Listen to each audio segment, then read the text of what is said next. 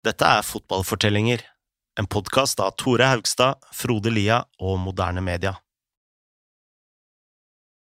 I 2008 tar Pep Guardiola over Barcelona og gjør Xavi til den sentrale playmakeren i laget.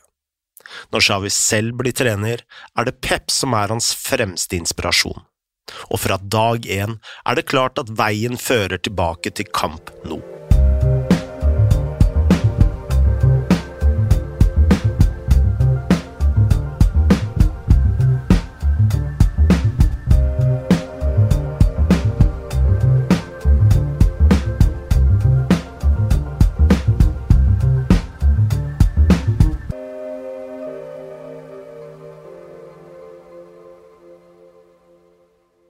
Sommeren 2008 bød på store endringer i Barcelona. Rijkaard ble kasta på dør, og inn kom Pep Guardiola, som bare hadde én sesong bak seg som trener i spansk fjerdedivisjon. Sløve spillere som Ronaldinho og Deco sa adjø, og inn kom Keita, Henry, Piquet og Dani Alves. Sergio Busquets og Pedro ble forfremma fra B-laget, og dette var et helt nytt prosjekt med en enorm fallhøyde, og Xavi var ikke sikker om han ville bli med på lasset.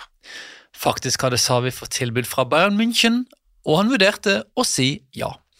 Men en dag ble han tatt til side av Guardiola, som sa at han ikke kunne forestille seg dette laget uten Xavi, og at hele prosjektet var umulig uten han.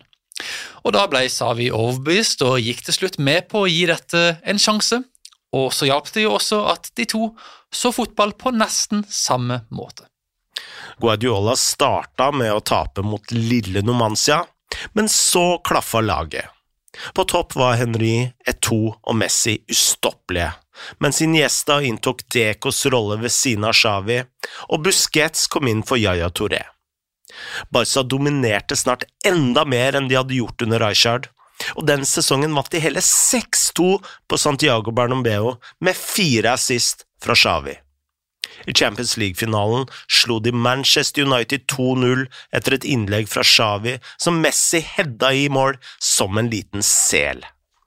Etterpå prata Alex Ferguson om karusellen som dras i gang når Xavi og Iniesta slår korte pasninger i sirkel rundt Manchester United-spillerne. De kan jo gjøre deg svimle, sa sir Alex. Barca vant til treble i den første sesongen under Guardiola. Senere, i 2009, tok de den spanske supercupen, den europeiske supercupen og VM for klubblag. Innen slutten av året hadde de vunnet seks titler på ett år, og Guardiola brast sammen i gråt. Jeg har aldri sett en sånn type fotball, sa Savi senere. Jeg ser kamper fra den sesongen nå og tenker at det ikke er mulig å spille bedre. Men mer skulle komme. I 2010 vant Barca en ny ligatittel ved å ta hele 99 poeng. På sommeren dro Spania til Sør-Afrika under Vicente del Bosque, som hadde bygget videre på arbeidet til Aragones, som gjorde Barcas stjerner og spillestil til en sentral brikke i laget. Spania var nå enda mer tålmodig enn de hadde vært i EM to år før. I utslagsrundene slo de Portugal, Paraguay og Tyskland, alle med 1-0, og i finalen tok de en ny slik seier mot Nederland. Korte pasninger hadde gjort dem til europeiske mestere og verdensmestere. De hadde gjort Barca til verdens beste lag, og Xavis stil hadde erobra verden. Senere sa Savi at seieren på straffer mot Italia i 2008 hadde vært vendepunktet. Nå vil alle i verden spille på ett touch, sa Savi. Det er forskjellen seire kan utgjøre. Om vi hadde tapt mot Italia i EM, hadde alt vært annerledes nå. Folk hadde sagt at du ikke kan vinne ved å spille små, korte pasninger, og at du trenger mer fysikk i laget. Jeg tror Louis Argones var vendepunktet. Det var han som tok sjansen på oss som er små. Nå anså alle Xavi som symbolet på fotballens mest suksessrike spillestil. Julen Lopetegui sa at Xavi hjalp Spania med å se en ny type spillere som nå går gjennom alle aldersgrupper på landslagene. Det finnes spillere som vinner ting, sa Lopetegui, men få er med på å introdusere konsepter og ideer, eller å endre måten vi tenker på. Dette har Xavi gjort. Men når det kom til offisielle kåringer av individuelle spillere, så var det flere kontroverser rundt Savi. Mellom 2009 og 2011 tok han tre tredjeplasser i kampen om gullballen, bak enten Messi, Ronaldo eller begge. Selv da Spania hadde vunnet VM i 2010, ble Savi slått av Messi og Iniesta. Da han var med på å slåss om Fifas pris for årets spiller i januar 2009, så var det noen som tok et bilde av han, Messi, Cristiano Ronaldo, Fernando Torres og Kaka. Avisen The Daily Mail publiserte dette bildet sammen med overskrifta 'De beste spillerne i verden' og som med Savi i parentes. Men hyllestene til Xavi var likevel mange. Den legendariske spanske vingen Joseba Echeberra sa at han aldri hadde sett noen som kan flytte samtlige spillere rundt på banen etter sin egen rytme. Tiago Alcantara sa at Xavi ga laget oksygen, som om Xavi var hjertet i hele laget. Og så lenge Xavi var skadefri, fortsatte Barca og Spania å vinne. I november 2010 knuste Barca Mourinhos Real Madrid 5-0 på Camp Nou. Det var en oppvisning av en seier, og noen mente det var den beste prestasjonen fotballen hadde sett. Selv ikke Savi kunne tro hvor dominante de hadde vært. Senere vant Barca ligaen og Champions League igjen etter å ha rundspilt United i finalen på Wembley. Mange faktorer sto bak suksessen. Flere spillere var inne i sin beste alder, og faktisk var Xavi den eldste av de etablerte stjernene med sine 31 år. Guardiola var åpenbart et geni, og sammen delte denne gjengen en katalansk identitet, en urokkelig tro på Cruyffs prinsipper og relasjoner styrket over mange år på La Masia. Det var en kombinasjon av faktorer som virket umulig å gjenta. Den neste sesongen skåra Savi ti ligamål, som var hans personlige beste, men Barca tapte ligatittelen til Mourinhos Real Madrid. På sommeren forsvarte Spania EM-tittelen etter en finale mot Italia, hvor Del Bosque kopierte Guardiolas falske nier. Savi la opp til to av de fire spanske målene, og Spania de ble tidenes første nasjon til å vinne tre strake internasjonale titler. Herfra kunne det nesten bare gå nedover for Savi, og det gjorde det. Tilbake i Barcelona skulle Xavi oppleve en tragedie. Da Guardiola ga seg i 2012, tok assistenten Tito Villanova over og vant en ny ligatittel. Men Villanova døde av kreft, noe som påvirket stallen dypt. Inn kom Gerardo Martino, som ikke vant noe som helst i sin første sesong. Da Xavi dro til VM i 2014 med Spania, røk det ut av gruppespillet, og Del Bosque sa takk for seg og la til at Xavi hadde vært enda viktigere for laget enn han selv. Uansett var den sommeren et veikryss for Xavi.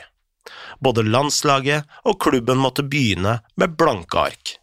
Xavi forlot nesten Barcelona den sommeren.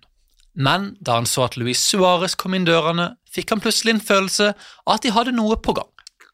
Han begynte å fortelle lagkameratene at han kom til å bli en sesong til for å se hva som skjedde under Luis Henrique. Dette så først ut til å være en tabbe, for innen starten av januar hadde det ikke klaffet for Luis Henrique i det hele tatt. Men så skal Messi ha foreslått at han kunne spille ute på høyre i stedet for Suárez, som flytta inn i midten med Neivar på venstre. Plutselig spilte Barca den beste fotballen som hadde blitt sett siden Guardiolas tid. Med supertrioen på topp vant Barca en ny trippel den sesongen. Xavi hadde mistet plassen i elveren til Ivan Rakitic, men han fikk likevel 31 ligakamper, og 19 av dem fra start. Noen skrev at det var dårlig stemning mellom han og Luis Henrique, men Xavi sa at han var takknemlig for at han hadde blitt i klubben, og at Luis Henrique hadde vært en av dem som hadde overtalt ham. Jeg skylder ham en, sa Xavi. Noen uker før Champions League-finalen i 2015 hadde Savi annonsert at han kom til å forlate klubben den sommeren. Før hans siste ligakamp mot Deportivo på Camp Nou henta fansen frem et stort banner som hyller Savi, og en diger mosaikk. I solskinnet sleit han med å holde tilbake tårene idet han sa takk og adjø. Seinere gikk han på en æresrunde mens konfetti fløy rundt i lufta, og Savi sa seinere at han aldri kunne drømt om en bedre avskjed. Den siste sesongen gjorde Xavi til den mestvinnende spilleren i spansk fotballhistorie men det var få som nevnte titler da de hylla ham. Guardiola sa at han aldri hadde sett en dag hvor Xavi ikke koste seg på trening, og at Xavi var den mest amatørmessige spilleren han visste om, og samtidig den mest profesjonelle. Om treningen starta 11, så var Xavi ute med ballen ti over alle. Men Xavi skulle ikke få like mange hyllester for hans neste karrieretrekk. Omtrent så fort han forlot Barca, så sa jo flere at han kom til å vende tilbake som trener en vakker dag, men først dro Savi til Qatar for å spille for Al-Sad. Dette innebar i praksis at han ble en ambassadør for Qatar som stat syv år før BM. Han bidro direkte til sportsvasking, og flere mente at Savi hadde ødelagt sitt ettermæle i fotballen ved å representere en stat med så kraftige brudd på fundamentale menneskerettigheter. Xavi endte opp med å spille fire sesonger for Al-Sad. I 2019 la han opp og ble trener for samme lag, en jobb han holdt fast på i to år. Den siste sesongen vant Al-Sad ligaen overlegent med lignende prinsipper som det Barca hadde brukt under Guardiola. Men Xavi fikk mest oppmerksomhet for en rekke uttalelser som forsvarte Qatar både som land og VM-vert. Kanskje den mest kontroversielle var da han sa ting fungerte mye bedre i Qatar enn i Spania. Det er sant at det ikke finnes demokrati her, sa Xavi i 2019, men folk her er lykkelige. I 2021 hadde Jean Laporta gjort comeback som president i Barcelona. Han beholdt først Ronald Coman som trener, men i november det året ble Coman sparka ut, og Savi ble henta inn, som alle hadde forutsett. Umiddelbart kunne man se en lignende taktisk struktur som det Guardiola brukte. Laporta tok opp nye lån og solgte unna fremtidige rettigheter for å hente Lewandowski, Rafinha og en rekke andre. Savi begynte med å ta Barca til andreplass, og denne sesongen, idet vi spiller inn, så leder Barca La Liga. Så langt har altså Xavi gått i fotsporene til Guardiola. Han har gutten fra Terrassa som kom opp gjennom akademiet, førte laget til suksess, dro til Qatar og vendte tilbake som trener. For Xavi fungerer kanskje ikke systemet i Spania like godt som i Qatar. Men om det er et sted han virkelig trives, så er det hjemme i sitt kjære Catalonia.